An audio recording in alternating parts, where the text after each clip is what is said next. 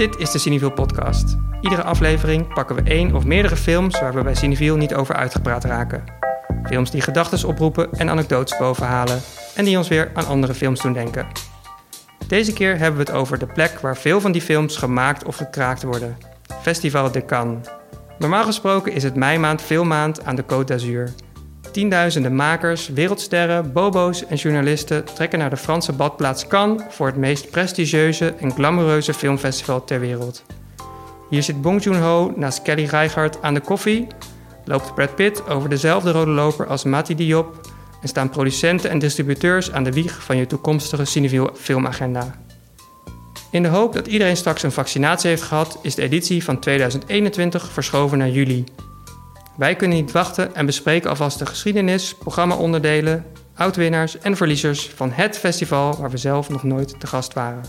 Mijn naam is Jesse Heines en ik ben redacteur bij Cineville. En vandaag bij mij aan tafel zitten mijn collega's Jente Buskus en Maan Milker. Hallo. Hallo. Hallo. Uh, voordat we het hebben gaan, gaan hebben over Cannes, vroeg ik me af, hebben jullie een festival wat jullie favoriet is? Een favoriete filmfestival? Ik ben eigenlijk op zo weinig festivals geweest als je kijkt naar de absurd lange lijst van festivals wereldwijd die er zijn. Um, dat het voor mij eerder is van waar droom ik van om eens heen te gaan. Mm -hmm. En dat is toch wel het filmfestival van uh, Busan of Busan en, uh, in uh, Zuid-Korea. En ja, dat is voor mij, als ik zie wat voor films daar bijvoorbeeld de openingsfilm zijn of de prijzen winnen, dan zijn dat films waarvan je heel erg weet van, oh, dat zouden echt hele goede cinefiel films zijn. Maar die zijn heel erg gericht op de brede Aziatische markt. zijn bijvoorbeeld films van uh, uit Kazachstan tot aan China, weet je. En ik ben gewoon heel erg benieuwd hoe het is om allemaal films te zien die ik heel gaaf zou kunnen vinden. En die ik allemaal nog nooit, weet je, die ik allemaal nooit zou zien vanuit Nederland. Want die films die komen gewoon nooit naar Nederland vanuit Nee, Busan. nee, Oh. nee. Die worden gewoon niet, uh, ja, die worden niet aangekocht. Die zitten net in een ander distributienetwerk. Of uh, weet je, er zijn allemaal verschillende redenen voor. Ja, ik ben ooit uh, daar geweest in Echt? het uh, centrum daar, wat gebouwd oh. is voor het festival. Niet op het festival oh, zelf. Okay. ik dacht, is mijn verhaal waar? One handshake away, man. Het is in ieder geval een heel mooi gebouw. Dat is echt een soort van state of the art. Een soort van uh, grote lichtbak aan het plafond als je daar onderdoor loopt. Het is echt heel erg zelf, zelf al helemaal ontworpen, ook speciaal voor het festival, geloof ik. Ja. En, uh, maar volgens mij de enige film waar we toen heen konden uh, was Top Gun 3D draaien. Okay. Dus dat hebben we toen niet, uh, niet gedaan. Maar het, het, gebouw zelf is al de moeite waard om ja, daar ja, ja. te zijn. En Jente, wat zou jij, wat is jouw favoriete festival? Ja, mijn is eigenlijk ook heel saai, omdat ik dacht van ja, ik ben eigenlijk op zo weinig festivals geweest. Omdat in Nederland hebben we wel hele leuke festivals, maar zelfs daarvan heb ik echt maar een beperkt aantal uh, zelf helemaal bezocht. Maar vorig jaar was ik voor het eerst naar een heel IFFR in Rotterdam. Mm -hmm. uh, ik was al een paar keer daar naar één losse voorstelling van iets geweest... wat ik dan per se in voorpremière wilde zien of zo. Maar dat was zo leuk om gewoon een week lang gewoon alleen maar met film bezig te zijn... en alleen maar gewoon van zaal naar zaal te rennen en proberen ergens een interview dan toch nog te ritselen met iemand... en ja, Jesse, jij en ik hebben toen ook nog heel lang staan wachten op Bong Joon-ho. Ja. Die toen uiteindelijk toch geen zin meer had. Wat ik ook snapte. Maar we zijn wel met hem in één ruimte geweest. En, ja, dat was wel een gek momentum toen. Omdat toen duidelijk werd hoe erg Parasite ook ja. was doorgebroken in Amerika. En dat het de Oscar-kanshebber was en zo. Of toen had het al gewonnen? Of? Nee, nee, het was een week voor de Oscar-uitreiking. Ja. ja, en toen kwam die black and white versie van Parasite oh, ja. Oh, ja. En ja, volgens mij wilde gewoon iedereen met hem. Iedereen stond daar zo in, in de foyer van het Hilton te wachten tot hij zou komen. en toen kwam hij en toen zei die, die, die agent of publicist of zo, zo van... Ja, sorry, hij, heeft, hij is echt heel moe en heeft er niet meer zoveel zin in. En het was oké. Okay. Het was alsnog een hoogtepunt van mijn jaar, denk ik, toen. Toen, toen pas had ik bij IFFR door van... Ja, zo leuk is een filmfestival als je het ook helemaal van begin tot eind meemaakt. Ja.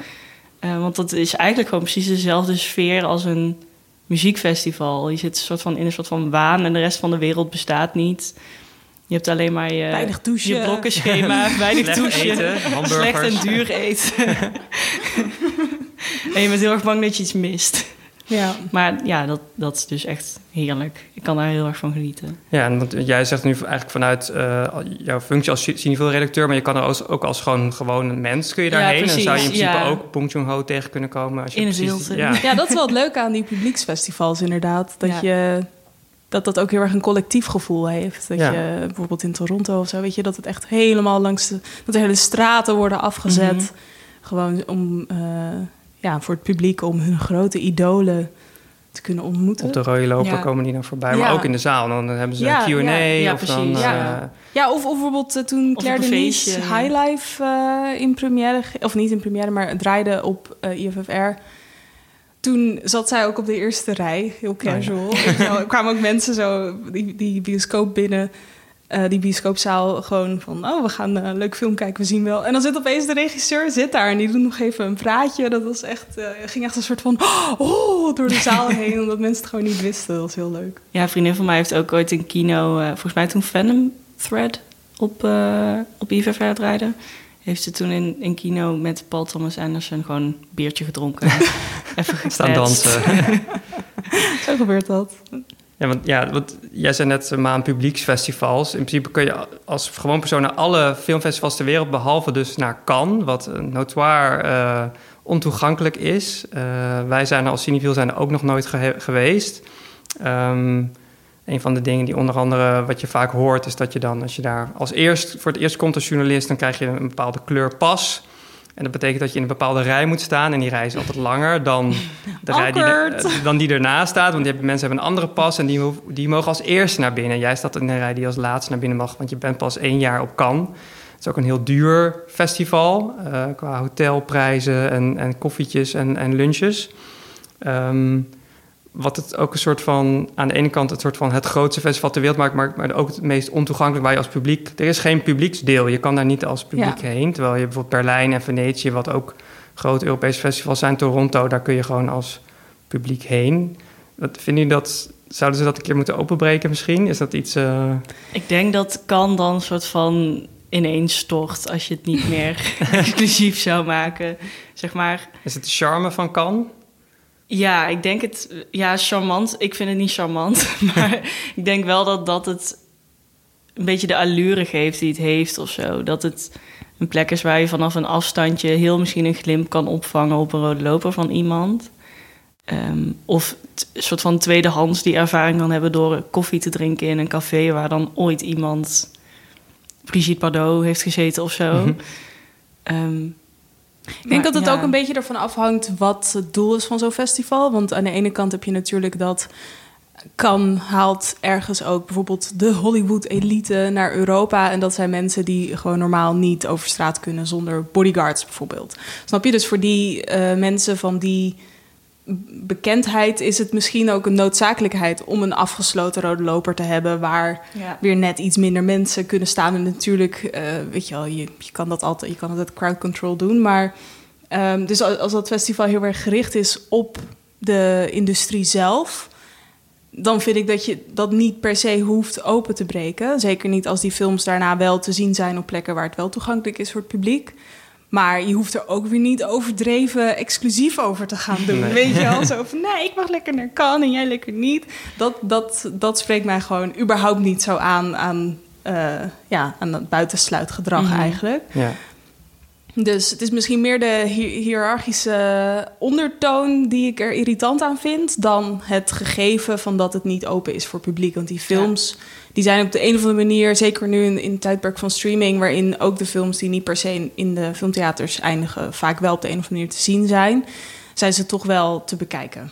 Ja, dus het is voor mij, zeg maar, het is mijn favoriete festival om te volgen Ja. eh, vanuit Mhm. huis. Ik, ik denk bijna dat ik dat... Als een voyeur. Nou ja, het, het is gewoon, omdat iedereen er is, is iedereen er ook altijd over aan het tweeten. En de recensies komen meteen uit. Je hebt dan altijd Ja. zo'n schema van deze dag komt deze film in, gaat deze film in première. En dan weet je, oké, plus twee uur, dan komt iedereen de zaal uit, plus tien minuten. En dan komen de eerste tweets van de nieuwe Tarantino komen dan voorbij. En dan weet je eigenlijk meteen van, is deze film, wordt het een hit of wordt het, eh, wordt het neergezabeld? En gaan we nu nog drie maanden lang zeiken over hoe slecht de nieuwe Tarantino is?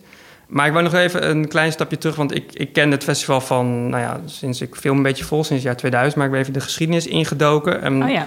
Ehm, nou ja, het sowieso, de manier waarop het op ontstaan is, is al heel interessant. Eh, je had, eind jaren 30 had je het festival van Venetië, Mhm. het oudste filmfestival van Europa. Eh, alleen dat was een beetje gekaapt door de fascisten. Mussolini was eh, daar aan de macht. En ehm, toen vonden een aantal Franse, Britse en Amerikaanse filmliefhebbers eh, dat het tijd was voor een alternatief. En de druppel was het jaar 1938, toen in Venetië werden er twee prijzen uitgereikt. De Mussolini Cup voor beste film. Die ging naar een oorlogsfilm geproduceerd door een zoon van Mussolini. Oh jeetje. En eh, de Mussolini Cup voor beste foreign film, die officieel niet naar een documentaire mocht gaan, die ging naar de documentaire eh, Olympia van Leni Riefenstahl in opdracht van Adolf Hitler gemaakt. Ehm, dus dat was eh, voor die filmliefhebbers het moment om te zeggen: oké, tijd voor iets nieuws. Ja. Toen zijn ze in Cannes begonnen in 1938 1939. 1 september, eh, ook de dag dat Adolf Hitler Polen binnenviel. Mhm. Eh, dus na één dag was de eerste editie van, Pan, van Cannes ook meteen eh, voorbij. Ehm, en dus pas na de oorlog kwamen ze terug met het echte festival zoals, als, zoals we dat nu een beetje kennen. En wat ik ook al heel typisch vond, was dat meteen die eerste editie in 38 nog had MGM had een soort cruise geregeld voor al zijn filmsterren om die allemaal naar Cannes te verschepen. Ja. Uh, dus eigenlijk vanaf dag één hadden ze al het idee van Cannes moet een soort uh, glamoureus festival worden aan de Côte d'Azur. iedereen samenkomt. Ja. Ja, dus waar... Ik kan me wel voorstellen dat niet iedereen die voor de Tweede Wereldoorlog... dus aan die eerste editie van Cannes mee zou doen... dat die ook allemaal is teruggekeerd. Nee, inderdaad. Nee. nee. Dat, dat ook zo'n oorlog vast heel veel impact heeft gehad. Op, op de die... organisatie en de... Ja, en op die groep en op de mensen. Ja. En er zijn vast ook veel, uh, ja, bijvoorbeeld Joodse mensen... die in de filmindustrie toen werkten. Ja. Dat uh, is altijd wel chockerende dingen. Mensen die naar Hollywood zijn gevlucht, ook in die, in die periode. En dan misschien Ja, bijvoorbeeld. Film. Ja, ja. ja, Uh, wat me daar dus aan opviel, was ook dat ik las dat zij kan... Dat is natuurlijk niet toevallig gekozen. Zij wilde ook iets aan de kust. Iets met dure hotels, casino's, strand, palmbomen in de buurt. En dat is natuurlijk wel iets wat dat festival uiteindelijk heeft gemaakt. Want als ik aan Cannes nu denk, dan denk ik aan die Palmbomen. foto's op het strand. Ja. En aan de filmsterren die uh, ja, wel bereid zijn om naar Cannes te komen in mei als het zonnetje schijnt, maar niet naar Berlijn in februari als het min 10 is. Ja, buiten. dat is echt koud tijdens het Berlijn Filmfestival. dat is echt uh, ja, een groot verschil. Ik kan me nog wel herinneren, ik ging altijd met mijn moeder uh, naar Zuid-Frankrijk op vakantie. En ik, ik had het toen niet zo door dat we dat gingen doen.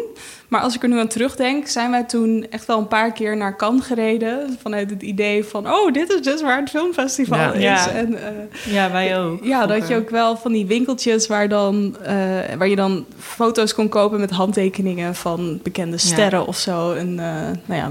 Je hebt daar ook in elk café en ook in Saint-Tropez en zo heb je... Is er wel een filmster ooit langs geweest Oh ja. in de afgelopen eeuw? En dan is gewoon meteen dat hele café in thema van die ster. Er hangen gewoon overal foto's van. ja. Dat is dan een hele selling point van... hier heeft ooit George Clooney een kopje koffie gedronken. Zij moeten het gewoon helemaal hebben van die film. Ja, Ja, en van die allure Ja. en inderdaad van de Côte d'Azur, van, de- van de blauwe van de stranden, witte, witte, wit zand, hoe noem je Ja. dat? En hebben jullie ook dat, dat, dat Palais de Cinema gezien? Dat ding waar dan, zeg maar, er is toch een soort van één locatie waar dan Ja. al die premières plaatsvinden? Ik weet niet of ik het goede in mijn hoofd heb, maar ik zie een soort hele grote, brede trap vormen. Als een soort sluitstuk op een rode loper, waar je zo omhoog Ja. loopt naar de zaal. klopt dat wel. Ja? Ik weet niet, al die keren dat ik in Zuid-Frankrijk ben geweest... zijn een soort van samengevoegd. Dus ik haal al die steden Ja. door elkaar. Maar, Maar dat is, ook het dus speciaal wel die voor, trap. het, ja. voor het festival Ja, gebouwd? ja, dus dat, volgens mij zijn er ook wel meer evenementen. Maar dat was Ja. ook toen de, die eerste edities van het festival plaatsvonden... was dat een van de eisen van... oké, we, willen- we zoeken een locatie voor een festival. En toen zei kan van... oh, we willen jullie heel graag hebben. We bouwen een speciaal complex voor de premières voor het festival. Dat is toen in de jaren tachtig is dat vervangen. Oh, ja. Eh, maar dat is inderdaad speciaal voor het festival eh, neergezet. Beetje dus zoals de Floriade hier in Nederland. Ja, wat dan nog eeuwen blijft staan en nooit meer wordt gebruikt. Maar in Ja. dit geval is het wel, eh, ja...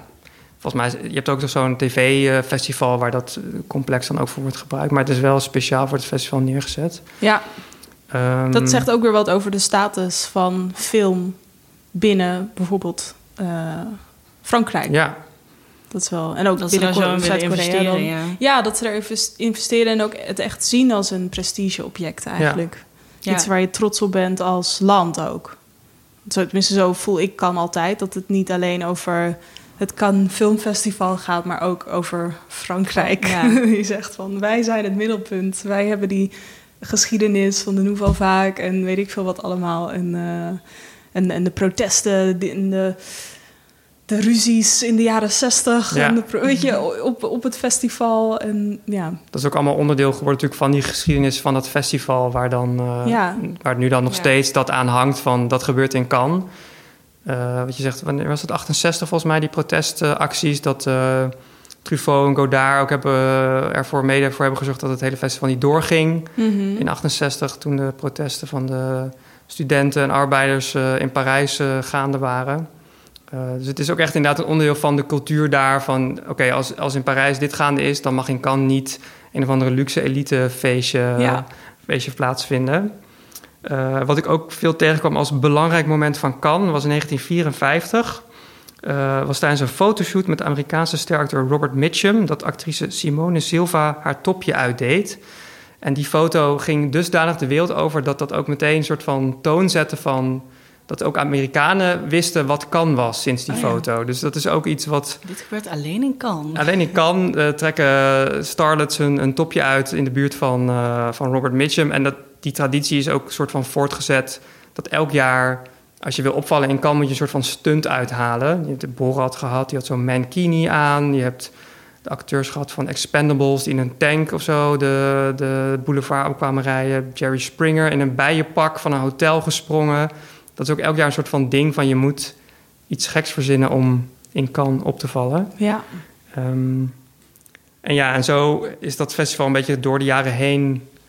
eh, heeft zichzelf steeds belangrijker en groter gemaakt. En hoe meer filmsterren erop afkwamen, hoe meer ook modellen en, en nog meer bobo's eh, erbij kwamen. En wat ook heel belangrijk was, was de eh marché du film die daar is geïntroduceerd. Want we, hebben, we zien vaak, als je dan als, als filmfan via Twitter of via de recensies volgt wat daar in première gaat, dan is er ook nog een hele wereld daarachter van producenten en distributeurs die daar samenkomen om ja, nieuwe Deeltjes films te sluiten. ja, deeltjes te Ja. sluiten. Die eh, dan misschien eh, drie jaar later, die films zijn dan drie jaar later gemaakt, gaan ze alsnog in Cannes première. En dan een half jaar later komen ze bij Cineville eh, in de zalen. En dat is iets waar je, waar je minder van meekrijgt als je niet daar bent, volgens mij. En denk je, want ik heb daar een soort romantisch, nou niet romantisch, juist een beetje beklemmend beeld van dat.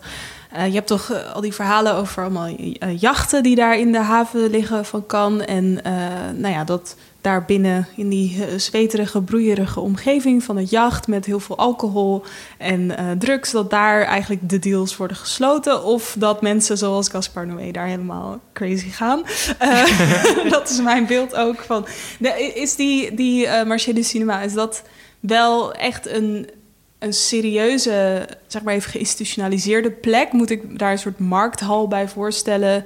Waar dat met kraampjes? Of is dat juist, speelt dat juist heel erg in op dat informele karakter, waar heel veel goede dingen uit voort kunnen komen, omdat de lijntjes heel kort zijn, maar waar ook heel veel scheve machtsverhoudingen met alle gevolgen van dien, seksueel misbruik of intimidatie, weet je, dat, waar dat uit naar voren kan Mhm. komen. Weet je daar toevallig iets meer over? Mm, Nee, ja, ik durf dat niet te zeggen, omdat wij daar als Cineville ook helemaal Nee, geen we weten plek, eh, niet. plek in hebben. En, vullen ook eh, maar gewoon alles in. Ja, ja, ja. Maar zeg maar...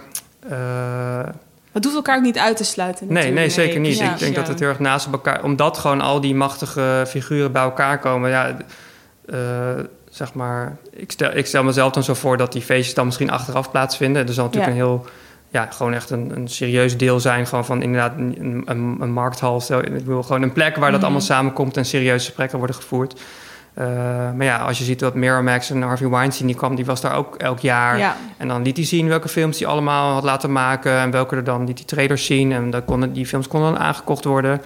Eh, en dat vond natuurlijk niet plaats op een jacht eh, met een Nee. lijn koken in de, in de perszaal. Maar dat, dat had natuurlijk wel erg mee te maken. En Ja. ja. dat is ja, misschien een beetje suf om te zeggen, maar dat is gewoon iets wat inderdaad met dat geld en die macht komt ook die, komen ook die excessen natuurlijk. Eh, en daar komen nu de laatste jaren natuurlijk steeds meer Ja. eh, naar boven drijven. Maar die... Ja, en ondanks dat gesloten karakter. Want ik kan me wel voorstellen dat er, eh, zeker bij zo'n gesloten festival eigenlijk als kan, waar, waar, het, waar je al ja, een soort geprivilegeerd, waar je bewust bent van het privilege dat je geniet op het moment dat je daar überhaupt bent uitgenodigd. Dat je Mhm. dat zegt iets over jouw positie op dat moment in de filmwereld. Dat kan ik me voorstellen dat het voor mensen daarin in een ehm, situatie waarin ze afhankelijk zijn van anderen voor die positie, dat het dan extra moeilijk is om je uit te spreken. Ja. Zeker Ja. over dingen die daar achter slot en grendel als het ware zijn gebeurd. Gewoon omdat er minder. ehm, ja, omdat er ook een soort cultuur is om daar ook niet te veel over pra- te praten. Niet alleen want het is eh, de filmwereld en zo gaat het aan toe. Maar ook nog eens want het is kan. Het is Ja. kan, ja. Ja. En dat, ehm, dat, daar ben, ja, dat, dat, dat roept bij mij wel vragen op over wat voor dingen gebeuren daar nou eigenlijk. Weet je, dat is in dat luxe, die luxe eh, setting kan ook opeens helemaal omslaan in een soort hellish nightmare, Mhm. weet Ja. je wel? Van, Dat is eigenlijk wat er met Hollywood ook is gebeurd de afgelopen jaren. Dat is ook een soort van wereld vol glitz en glamour. ja, ehm, die heel leuk is om naar te kijken. En waar dan heel veel nare, rottende dingen ergens middenin gebeuren. ja, Om dat allemaal mogelijk te maken. Dus het lijkt me ook, ja... Kan, kan lijkt daarin denk ik ook best wel op Hollywood. Dat het een soort van plaatje verkoopt van iets. ja, Wat heel goed werkt. En waar ook heel veel mooie dingen uit voortkomen trouwens. Maar Ja. ehm, wat, doordat het zo'n zo'n mooi plaatje is... En, en je alles wat daarachter zit eigenlijk niet kan zien... Is, wordt het ook heel makkelijk om die dingen te verbergen. ja, of om ze er helemaal in te denken. Want dat heb ik nu. Ja, dat, dat ik nu ook, denk van, ja. ben ik nu helemaal aan het doen denken of is het echt Ja, gebeurd? als we nou gewoon een keer werden uitgenodigd voor Ja, jongen. dan wisten we het tenminste. We gaan onszelf eh, gewoon uitnodigen. Eh, Ja. Maar wat je zegt, maar wat, er is ook inderdaad veel, eh, met veel macht en veel geld komt ook veel kritiek ook eh, vaak door de jaren heen. En dan zie je ook dat, eh, nou er was ooit één hoofdprogramma. inmiddels zijn er iets van vijf, zes, zeven dingen omheen bedacht. Niet alleen door Kan zelf, maar ook door buitenstaanders. Onder andere als reactie bijvoorbeeld op kritiek op dat het te veel maar over Hollywood zou gaan of alleen maar over commercie. Eh, Jente, jij was er even ingedoken. Wat voor een, bijprogramma's heb je nog naast zeg maar, de hoofdcompetitie... waar dan de Gouden Palm uiteindelijk uit voortkomt? Je hebt nog veel Ja, meer, toch? Het is eh, echt een soort van doolhof aan categorieën. Ik kan me ook voorstellen als je een soort van... dat je daar binnenkomt op kan. Alsof je daar ergens binnenkomt. Ik heb geen idee hoe dat werkt. En dat je dan een foldertje pakt met het blokkenschema. en denkt, wat is hier allemaal gaande? Want het is echt een soort van weerwar aan categorieën en selecties. En eh, met Franse namen die op elkaar lijken. Maar je hebt dus inderdaad die, die official selection. En dat, dat zijn eigenlijk alle films die zijn uitverkoren om daar in première te gaan. En dan heb je de competition. En dat zijn alle films die de... eh, De competition. Le competition. Eh, nou ja, dat is dus ook verwarrend, want het zijn dan Franse woorden waar ze dan weer Engelse woorden Oh ja. voor zetten. Dus, want het, je kan ook zeggen official selection. maar die, competition maar, is dus alles wat eh meedingt naar de Gouden Palm. En dan heb je ook nog alle out-of-competition films. Eh, en die kunnen wel weer andere prijzen winnen, maar dan niet de Gouden Palm. En dan daar weer losstaand van heb je het ehm Un Certain Regard programma.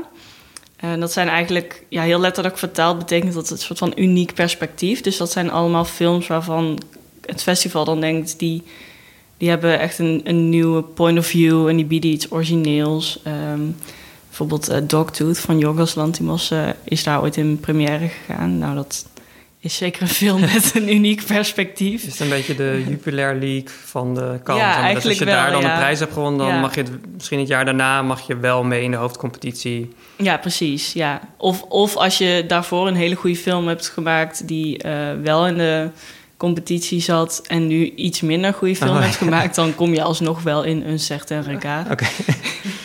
Ehm, en da- daarnaast heb je nog he- heel veel programma's met allemaal short en eh, medium length films en eh, klassiekers. Ehm, en dan is eigenlijk het, het leukste voor het eh doodgewone klootjesvolk is dan de Cinema de la Plage. Ehm, want dat is eigenlijk het enige waar je heen kan als je niet bij de pers hoort of een filmmaker bent of distributeur of zo. En dat, daar screenen ze eigenlijk klassiekers of ehm, out-of-competition films op het strand van Cannes. Nou, sowieso al super romantisch. Ehm, met dan nog een voorprogramma daarbij. Vaak gaat dat dan over muziek. Eh, dus dat is eigenlijk het enige wat gewoon voor het publiek toegankelijk is. Eh, maar wat het eigenlijk, waardoor ik denk dat het nou zo'n interessant festival is voor de industrie, is door eh, die Marché du Film waar je het net over had. En dat is namelijk echt opgericht zo van we moeten een plek hebben waar producenten en distributeurs elkaar kunnen ontmoeten. En daar komen dan ook echt, ja, de cijfers zijn ongeveer 4000 producenten, 3000 distributeurs en 1000 festivalprogrammeurs. Uh, die komen daarop af. En dan krijgen die producenten dus de kans om hun film te vertonen of om een trailer te laten zien. Uh, en distributeurs krijgen de kans om die film dan aan te kopen. En zo, zo komen films ook daadwerkelijk in de theaters terecht. Um, en, dat, en dat betekent dus eigenlijk dat een film die op Cannes te zien is geweest... of die op die Marché du Film verkocht is... eigenlijk met veel meer gemak in een filmhuis terechtkomt dan een ander film. Een andere film. Um, en wat ook nog echt een heel erg toonaangevend deel is van het festival... is uh, de Cine Fondation. Dat is een soort van fonds uh, dat is opgericht... Um, om jonge filmmakers een soort van boost te geven. Mm -hmm. um, dus daar worden dan shorts van uh, jonge makers vertoond. Uh, bijvoorbeeld van uh, Jan Komassa, de regisseur van Corpus Christi. Oh, ja. En ik hoop dat ik dit goed uitspreek. Asaf Kapadia. dat is de regisseur van, van documentaires Amy en Maradona. Oh, ja. en die vallen daar dan in de prijzen, die shorts. En dan later zie je ook van ja, die komen dan dus ook echt ergens. Ja. Uh, en dat fonds geeft dan ook nog filmmakers de kans om in residentie te gaan. Ja, precies. Um, want daar heb ik ook wel eens van gehoord dat, dat, weet je, dat niet alleen dan bijvoorbeeld regisseurs, uh, soort Ja, maar ook screenwriters en zo. Ja, en ook zelfs producenten, uh, junior producenten of wat dan ook, dat Ja. die ook in, in een soort uh, track worden gezet om begeleid te worden of Ja. om met anderen in contact te komen. En ook natuurlijk iets wat, wat steeds meer um, ja, belangrijk wordt, is dat je je film niet alleen vanuit één land produceert, maar dat het een soort uh, internationale co-productie is. Ja, want dat je, is natuurlijk ook waar kan echt een plek Ja. voor is. Iedereen komt daar naartoe. En ik, ik zie dan voor me dat ze elkaar ontmoeten. Ja. Ehm, op, een, op een plek waar, de- waar dat gewoon gefaciliteerd wordt. Dus dat je niet Ja, naar, Italië hoeft te gaan om een co-productie te beginnen. Maar je bent al toch al daar. ja, En dan zeker die filmmakers die dan in residentie gaan, die, die kunnen gewoon dan 4,5 maand aan hun eerste film werken. En eh, daar komen dan onder andere makers als eh, Lucretia Martel uit van eh, Sama, die dan later weer in de jury terechtkomen. Dus het is wel, ehm, los van alle glitz en glamour en zo, zit er wel echt ook een soort van element aan het festival dat ook zich echt hard maakt voor de filmindustrie. En ehm, ook op een of andere manier, ik weet niet hoe ze het doen, een neusje heeft voor, voor wat dan echt het aanstormende talent is en hoe ze dat het beste naar boven kunnen brengen.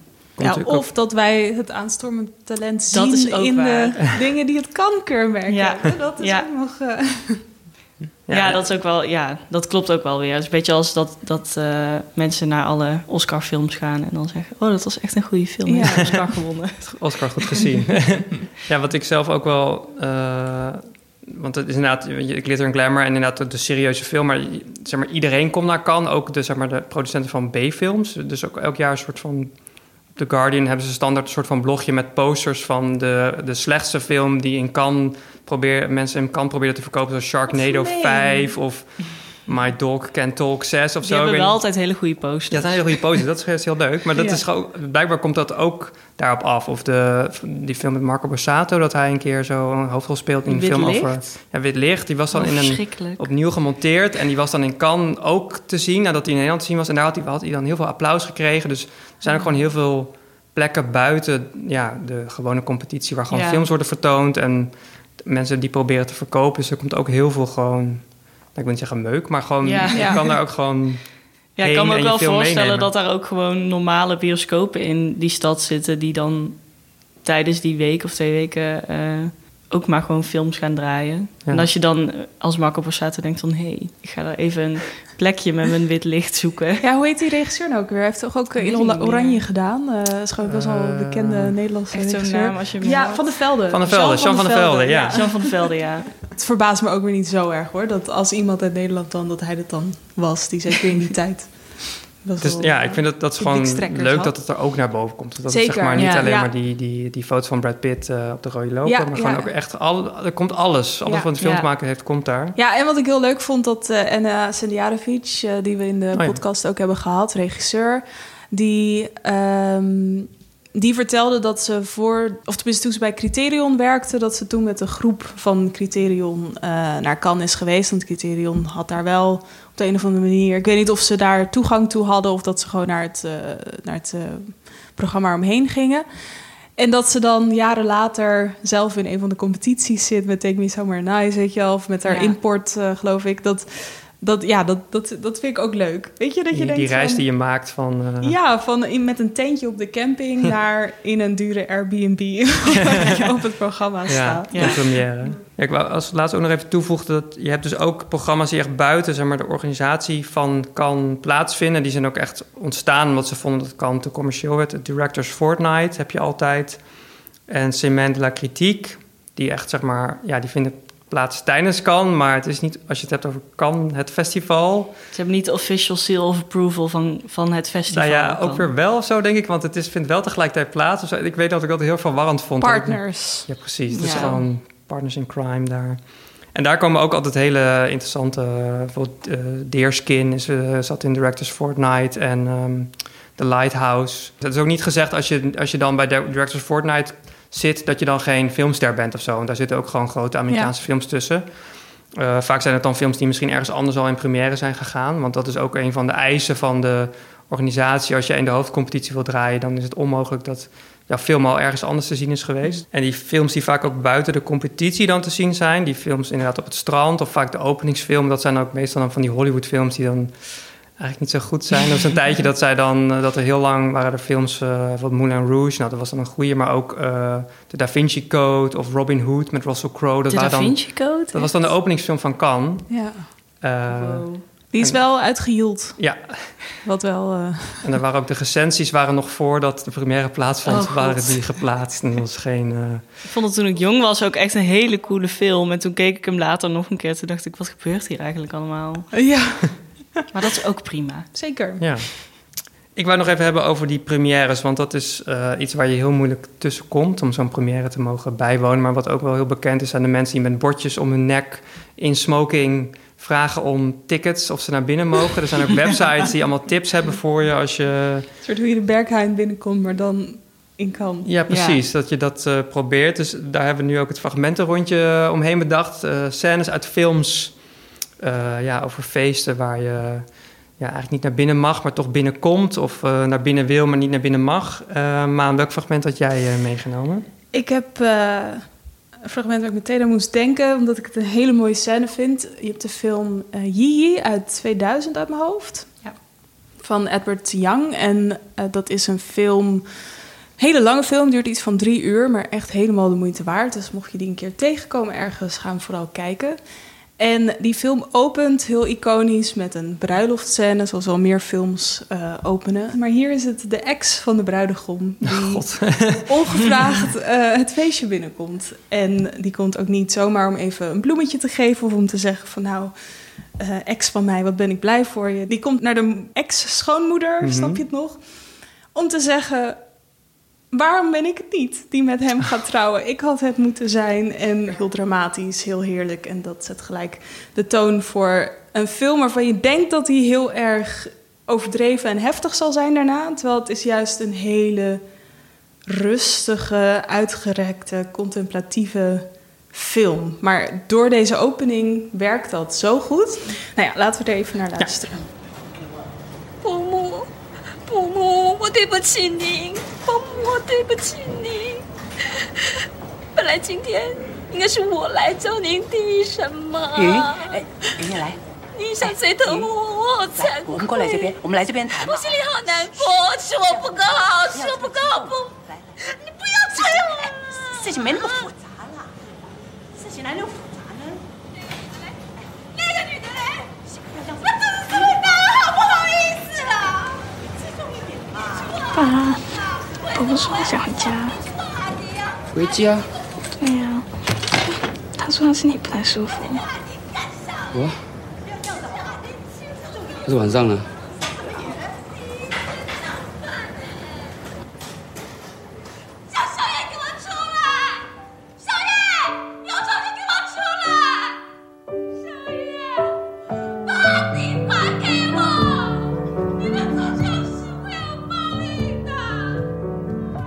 Gaat het nog wel even door. eh, ja. Heftig om zo je bruiloft ook te moeten meemaken. Zeker, Ja. zeker. Het is, eh, Doe me ook een beetje denken aan eh, The Graduate. Dat Dustin Hoffman Oh, dan ja. bij zijn... eh, ja, is het zijn ex of gewoon zijn vriendinnetje? Of Zijn ex dan whatever. inmiddels, ja.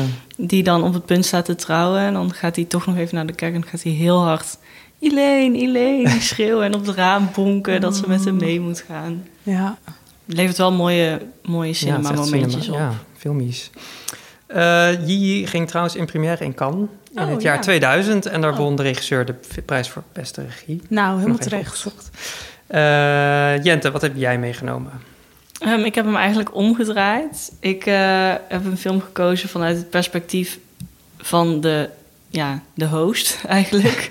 Eh, namelijk eh, Mother van Darren Aronofsky uit 2017. Ehm, en dat, dat is eigenlijk hoe ik me voorstel dat kan denkt hoe kan zou worden als ze iedereen zomaar toe zouden laten. Dus kan heeft in mijn, in mijn fantasie is de organisatie van kan heel erg bang dat het uitloopt op een chaos als het Als de barbaren gewone volk binnenkomt. Ehm, en in Mother eh, is dat ook zo. Dat heeft verder niks met kan te maken hoor. Maar ehm, in Mother speelt eh, Jennifer Lawrence een jonge vrouw en die woont samen met een dichter in een beetje een afgelegen huis. In, ja, waar weet je eigenlijk niet. En dan ineens klopt er een gekke man aan de deur die vraagt of je even binnen mag komen. En stukje bij beetje komen er steeds meer mensen dat huis in. En op een gegeven moment is gewoon het hek van de dam en is er een soort van illegale rave gaande in dat huis. Ehm, en eh, de, de gloedje nieuwe eh, gootsteen die net aan de muur is bevestigd, waar je absoluut niet op mag zitten, die breekt van de muur af. En ehm, het is een en al chaos. En zij wordt helemaal gek van, want zij is hoogzwanger. Ja, toch? zij is ook zwanger en zij wordt helemaal gestoord natuurlijk. Of ja, van al die mensen ja, die gewoon bij haar in de weg zitten en in haar huis zijn terwijl ze dat niet wil. Maar iedereen probeert haar een beetje te sussen van... oh nee, is prima joh, we hebben het gewoon gezellig en eh, het komt allemaal goed. En terwijl het huis wordt afgebroken. I don't know. Hey, we haven't met. I've known this family for years. And you? This is my house. Oh, well, it's a beautiful home. You want to take a walk? What? A walk. With me. You see that? No. No. Please. You want to take my number? No, I, don't- I don't want your number. Well, why would you say that? You don't even know me. Uh, Let, let, let me No, give you my... let go of me. Why? Because I don't know you. Get down from there. From where? But you see, you should, because you don't know what I could do for you. I don't want anything from you. Sassy. Leave me alone. You know what? Get out of my face. You're an arrogant cunt. Hey, Nothing wrong with it. really okay. No, stop doing that. Don't do that. Stop. Stop doing that. Dat is de gootsteen. Dat was de gootsteen. En die man van haar vindt het ook allemaal maar prima, toch? Want die, eh, Ja. die ko- ze komen eigenlijk voor hem. En hij vindt het eigenlijk wel leuk dat ze... Dat, eh, dat hij een beetje aandacht krijgt. Ja. En hij krijgt natuurlijk ook heel veel inspiratie voor zijn poëzie daarvan. Oh ja, oh mannen. Wat heb jij? eh? Ik heb een fragmentje meegenomen uit Eyes Wide Shut. Eh, ging in weer een première op het filmfestival van Venetië. Oh nee, ging niet in wereldpremière in Venetië. Het ging weer een première in Amerika. En toen later was het alsnog de openingsfilm van Venetië. Vond ik wel opvallend, want dat zou nu ook Is dat nou de laatste film van... eh, Ja, het is de laatste film van Stanley Kubrick, uit 99. Eh, met Tom Cruise eh, en Nicole Kidman. En voor mij, eh, ja, er zit een soort van legendarisch seksfeest in die film. En voor mij is het heel erg een manifestatie van dat je op een feest bent binnengekomen waar mensen je eigenlijk helemaal niet willen of zo. Een soort van, je bent er wel, maar iedereen kijkt een beetje op je neer of zo. Want het, eh, hij eh, hoort van een van een seksfeest buiten de stad. Hij krijgt van een oud studiegenoot krijgt hij een wachtwoord, Fidelio, waarmee je dat feest binnen kan. Hij koopt een masker en een soort van kostuum. Hij kan ook dus redelijk anoniem binnen, want het is een soort gemaskerd feest. En eh, nou, hij loopt er een beetje rond, lijkt allemaal helemaal goed te gaan. Maar dan opeens wordt hij een zaal ingeleid. En er staat een soort van kring van mensen met maskers op. En die staan hem op te wachten. Want wat blijkt nou, ze hadden gewoon door dat hij eigenlijk helemaal niet thuis hoorde op dat feest. Eh, en hij wordt dan ook op een hele creepy manier ondervraagd. Dus omringd door allemaal mensen met enge maskers. En Op een Het- seksfeest. op een seksfeest. Eh, het is gewoon een beetje die angst dat je dan ontdekt wordt. Weet je wel. Stel, Ja, je ja, bent ja, binnen, dat is één. Maar dan loop je daar rond en dan stel je je voor van... oh ja, maar dan in kan zien ze dat ik de verkeerde schoenen aan heb. Of dat ik niet het juiste kapsel heb of zo. Weet je, wat je dan alsnog wordt weggestuurd. Dat zou mijn. Uh, ik zou dat dus ook nooit in, in een feest proberen in te breken. Omdat ik elk moment zou denken van... ik hoor je niet thuis en dat kan iedereen zien. Ik zou dat, dat, in kan denk ik al hebben al... Al, al, had ik wel gewoon een ticket. Als je daar zo al rondloopt. Al die judgmental Fransen. nou, dat gevoel, dat zit in Ice White Shot. The password for the house. Yes?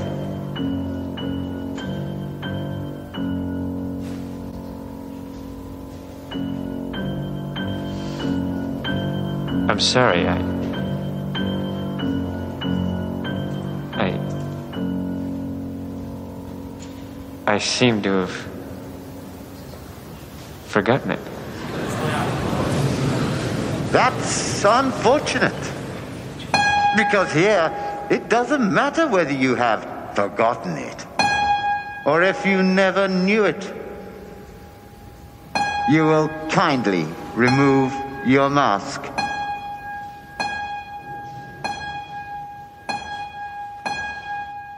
Ja, je moet niet alleen zijn masker afdoen, maar eigenlijk ook nog zijn kleding. Dat Oh, komt ja. hierna. dat is een worst nightmare, toch? Ja. Op een feestje... Ben je eindelijk op kan? ja, dat je je kleding uitdoen. Ehm, we gaan het hebben over de prijzen, want we hebben het gehad over geschiedenis... en waarom het zo'n belangrijk festival is en waarom iedereen erop afkomt. Maar ja, aan het einde van de rit telt er maar één ding, misschien. Wie gaat er met de hoofdprijzen vandoor? Ja. Eh, wat, voor, wat voor prijzen zijn er eigenlijk in Cannes te ver- verdelen? Nou, er zijn, eh, net zoals dat er veel verschillende competities en dingen zijn, eh, zijn er ook veel prijzen. Maar ik denk dat de prijs die het meest van belang is voor het publiek, als het ware, dat dat de Palme d'Or is, of de Gouden Palm. En die is voor het eerst uitgereikt in 1955. Dus die was er ook niet vanaf het begin van het eh, festival. Maar eigenlijk vanuit het idee om nog iets te hebben om ja, echt de, de kroon te spannen. Weet je, ook, ook om dat je dat ook kan zeggen. Van ik heb een Mhm. gouden palm gewonnen met alle financiële en eh, nou ja, aanzien gerelateerde gevolgen van dien. En ik vind het eigenlijk best wel opvallend dat, ondanks dat de Gouden Palm echt wel een begrip is. Ik kan me voorstellen dat ook eh, mensen die niet heel erg veel met film hebben, dat die even goed als met de Oscars misschien ooit wel eens van de Gouden Palm hebben gehoord. Eh, en dat er dan toch in de recente jaren wel films tussen zaten die ik bijvoorbeeld eh, helemaal niet heb gezien of die niet eens op mijn radar ehm, zaten. Wat natuurlijk helemaal aan mij ligt. Maar Welke films dat- bedoel je ja, dan? bijvoorbeeld ehm, de film eh Deepan uit Oh ja. 2015. Nou ja, aan jouw reactie horen heb jij hem wel gezien. Ja.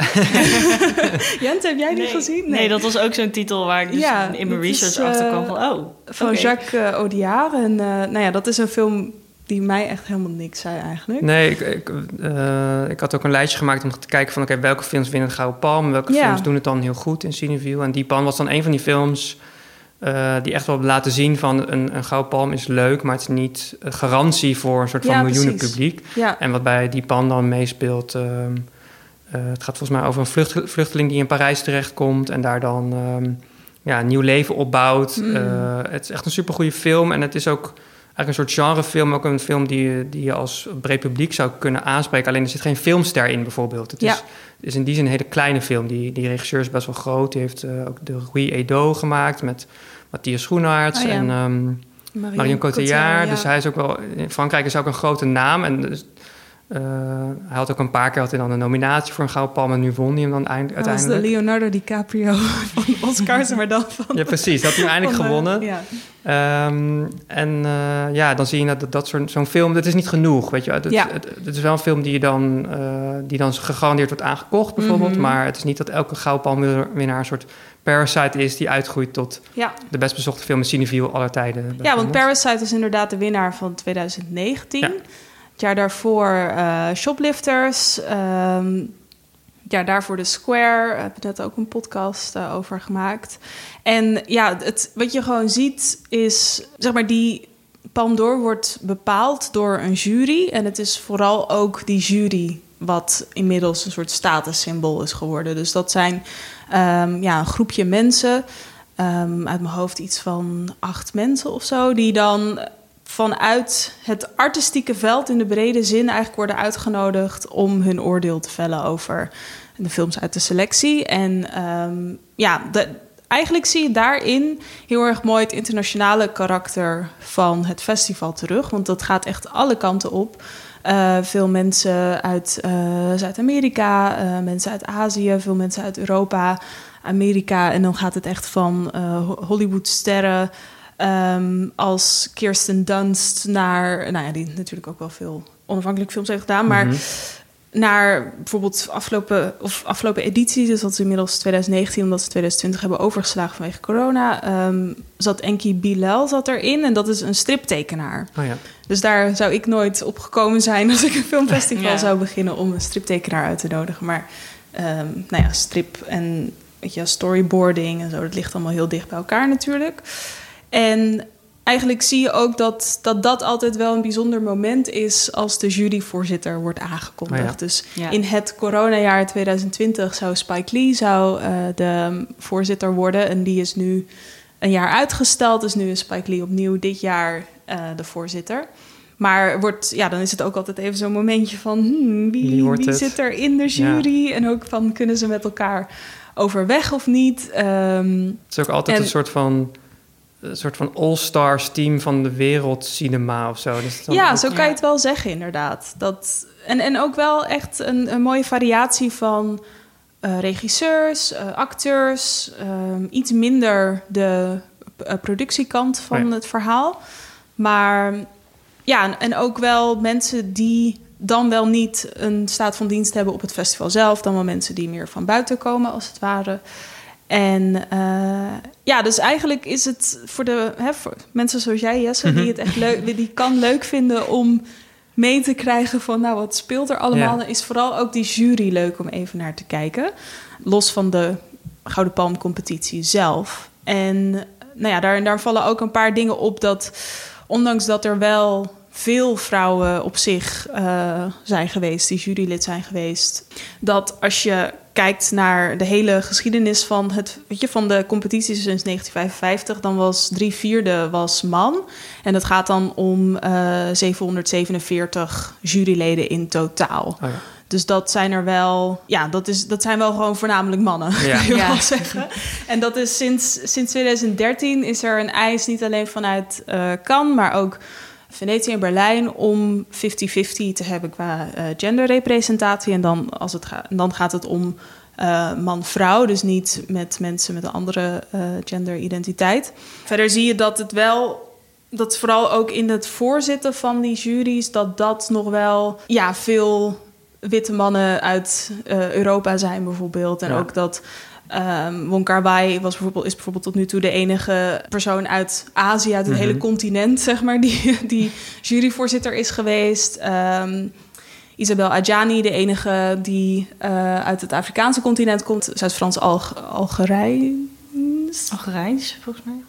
Ja. Of Algerije. Algerije? Is het land. Ja, maar wat, hoe zeg je dat iemand die uit Algerije komt? Die is Oh. Algerijns. Algerijns, Algerijn? volgens mij. Ze Maar is een zonder- Algerijnse Nou ja, actrice. we snappen, zou we ik snappen zeggen. wat we bedoelen.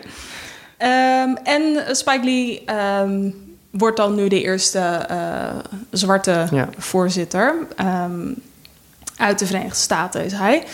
Ja, dus dat, dat, dat is wel grappig om aan de ene kant dus positieve dingen te zien. Weet je, als in, je hebt altijd in, in discussies over representatie, over diversificering. Is altijd van ja, de, aanbod is er niet. kan bewijst al heel erg lang dat dat wel er gewoon is. Ja. En eh, nou, dat zie je dus ook mooi terug in de jury als geheel. En op zich zie je ook wel dat, dat bijzondere, een bijzondere mix aan films eh, de prijzen eigenlijk winnen. Ehm, de meer vanzelfsprekende Franse in-crowd namen, zoals ehm Michael Haneke, Mhm. ehm, die met Amour in 2012 heeft gewonnen. Het jaar daarop heeft eh, La Vida Del gewonnen van eh Abdelatif Keshish, wat toen voor controverse zorgde, eh, omdat de twee hoofdrolspelers, Adel Exarchopoulos, nou ja, Moeilijke naam. moeilijke naam. En ik kom even niet op de naam. Lea Eh, Seydoux. Ja, Lea Seydoux. eh, zich eigenlijk al daar uitgesproken tegen Abdelatif Keshish... omdat zij echt dagenlang eh, een seksscène hebben moeten opnemen... onder omstandigheden die zij ja, niet te doen vonden. En toen heeft de jury ook besloten om... volgens mij op aandringen van Keshish... om een soort van... iets meer de angel eruit te halen. Omdat hij ook wel inzag dat anders zijn film misschien helemaal Mhm. niet meer in de bioscopen zou komen. En dat was niet zo'n leuk idee.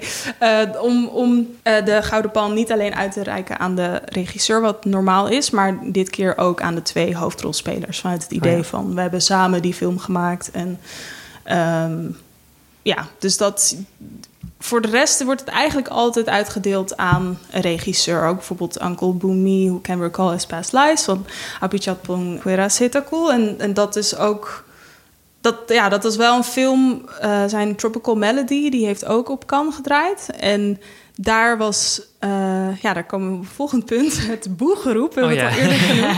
Dat was een film die echt finaal werd afgeslacht door het Mhm. publiek. Eh, mensen die wegliepen, mensen die eh boe gingen roepen aan het einde eh, of geen applaus wilden geven. En omdat ze het in, de, in het geval van Tropical Melody eh, te saai en te conceptueel vonden en whatever. Want het publiek in Cannes altijd heel aanwezig en streng Ja, en ja. kritisch en laat het ook graag horen. Een soort Ja. onderdeel. Ook qua als het positief is, dan, Dan is willen het ze ook meteen een eh, kwartier lang staande ja. ovatie. Ja, ja, precies. En ook in die zin wil je inderdaad vijf minuten staande ovatie wil niet zoveel zeggen. Nee. Je moet echt een half uur hebben, weet je. Dan, dan pas is het echt... eh, Maar ik was daar een beetje ingedoken bij wat voor films er nou boe werd eh, geroepen. en eh, dat gebeurt echt al heel erg lang. Want bijvoorbeeld toen in 1960 La Ventura van eh, Michelangelo Antonioni in première ging... toen werd hij ook helemaal weggefloten... terwijl dat nu toch wel echt wordt gezien als eh, ja, echt een klassieker... Maar je ziet eh, verschillende redenen. Eigenlijk, ja, recent zag je Okja van Bong Joon-ho. Dat die werd weggefloten. En dat was niet zozeer om de film zelf, maar omdat het een Netflix-productie was. En dat was een van de eerste keren dat Netflix eigenlijk zijn toetreden deed tot het festival. Wat daarvoor toch echt meer een festival was wat bang was voor streamen, om het zo te zeggen. Dus meer een filmtheaterfestival. en ja, dus dan als regisseur, dan, dan moet je daar even Ja. de Ja. klappen vangen. Voor iets wat eigenlijk niet... eh, Want nu wil, eh, kan dat niet meer, toch? Die wil geen Ze stream. hebben echt een soort Nee. van veten nu. Ja. Ja. Ja. Dat, ehm, ja, Maar dat komt ook doordat Frankrijk een soort van gekke regelgeving heeft... dat een film pas mag streamen als hij eh, iets van 36 weken nadat hij in de bioscoop is of zo. Dus best wel lang. En Netflix vindt dat dan dus niet chill als ze hun eigen Ja, ja, films ja. eh, willen draaien. Dus heeft Netflix gezegd van oké, dan doen we wel gewoon meteen op Netflix zetten... in plaats van eerst in de bioscoop. En dat moet je in Frankrijk al helemaal niet maken. dus eh, nu zegt kan... eh, het moet in Frankrijk draaien. ja, In de, in de filmtheaters dus. Anders dan mag je niet komen. ja. Ja, het is, ik vond het wel opvallend dat er zitten best wel veel echte klassiekers bij in het rijtje van geboede dingen. Bijvoorbeeld Mhm. Taxi Driver uit 1976 van eh, Martin Scorsese, waarvan je wat nu ook echt een klassieker is, maar die is dus uitgejouwd omdat mensen er te veel geweld in vonden zitten. Wat ik grappig vind, omdat als ik aan een cinema-traditie denk waarin heel veel geweld zit, dan is het wel een Franse. De Franse Maar- film mag ja. alles, toch? Precies. Ehm, maar oké, oké. eh, Irreversibele van Gaspar Noé is ook om die reden uitgejouwd. Net zoals eh, bijna alles van David Lynch. Twin Peaks, Fire Walk With Me, Wild at Heart. En Crash van Cronenberg, die niet zo lang geleden opnieuw is uitgegeven. Dat Oh waren allemaal films die vonden ze... Vond het publiek een beetje te. Maar nou, dan moet je al twee films die gewoon de Gouden Palm hebben gewonnen. Taxi Driver en Wild at Heart. Ja. Die zijn al Ja. uitgejouwd, maar tien dagen later hebben ze dan wel gewoon die palm. Ja, precies. Dus dat, dat wil ook niet zoveel zeggen. Nee. Een ander voorbeeld, weer om een hele andere reden, was Marie Antoinette van Sofia Coppola uit 2006. Want daar, dat is een, nou, Sofia Coppola is Amerikaans.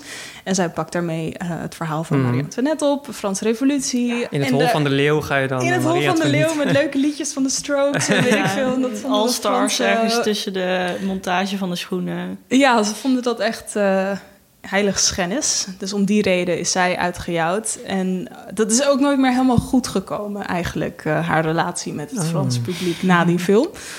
En een, andere, een ander iets wat ook wel, ja, misschien wel het meest pijnlijke is voor regisseurs. Want ik bedoel, als mensen het er echt helemaal niet mee eens zijn of het te veel geweld vinden of zo, dan kan je nog zeggen: ja, maar het was mijn bedoeling om er veel geweld in te hebben. Maar iets wat eigenlijk echt een ultieme belediging is, is dat de verwachtingen heel erg hoog waren, maar dat de film gewoon wel oké is. Oh. Dus wel degelijk. En een voorbeeld daarvan is uh, Inglourious Basterds van uh, Quentin Tarantino. Taking Woodstock van Ang Lee, die daarvoor Brokeback Mountain had gemaakt. Mhm.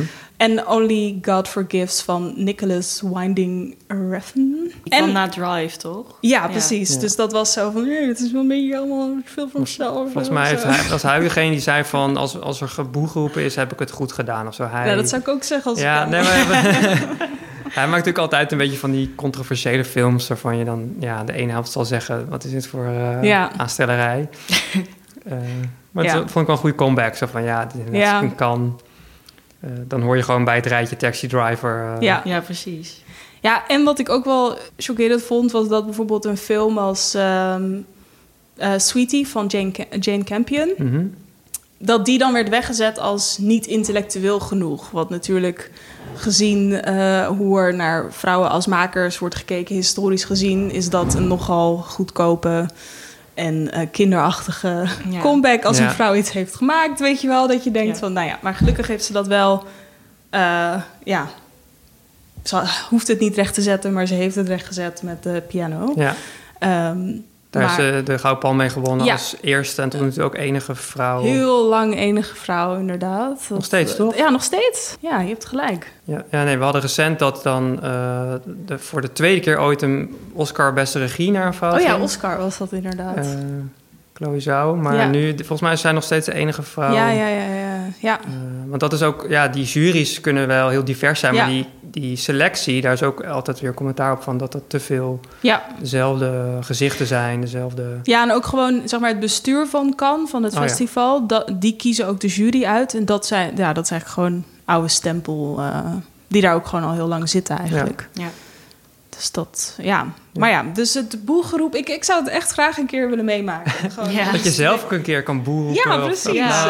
Of dat iedereen daar staat te klappen en dat jij gewoon zo boe. Ja, ik word altijd een beetje ongemakkelijk van staande ovaties in, het, In, theater, in gewone theaters. in maar. theaters. Ja, Het voelt een beetje als wanneer je in het vliegtuig zit en...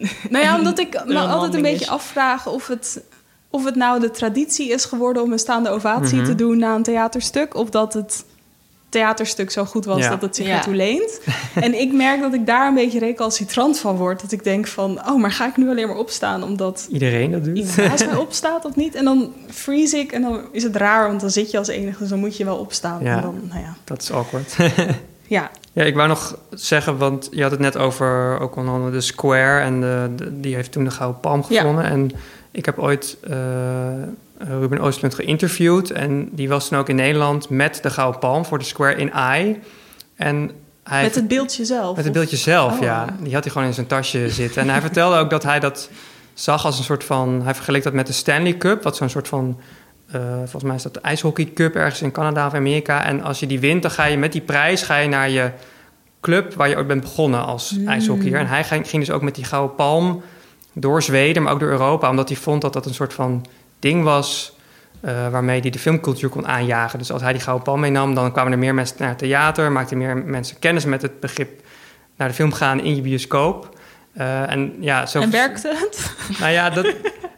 Je denk denkt het wel. eigenhandig cinema's gered. ik denk dat mensen die al niet heel veel met film hebben, dan ook niet denken van, oh, daar is een gouden beeld. Waar Ja, maar ik ik vond wel dat hij. Dat Oscar is. is natuurlijk wel waar die waar voor bedoeld is. Ja. Zeg maar dat was wel voor Ja. mij dat ik dacht: oh ja, dat is, kan ook. Het is een manier om films die normaal gesproken, als de Square geen Gouden Palm had gewonnen, of als kan niet had bestaan, zouden we dan met z'n allen, want de Square was een van de grootste hits in Cinefil, zouden we dan met z'n Mm. allen naar die film zijn geweest? Het is Ja. niet het Ja, feit dat hij die. een Zweedse film over performance art Precies. en Ik vond het wel mooi Ja. dat hij het zo zag, omdat Ja. ik dacht van...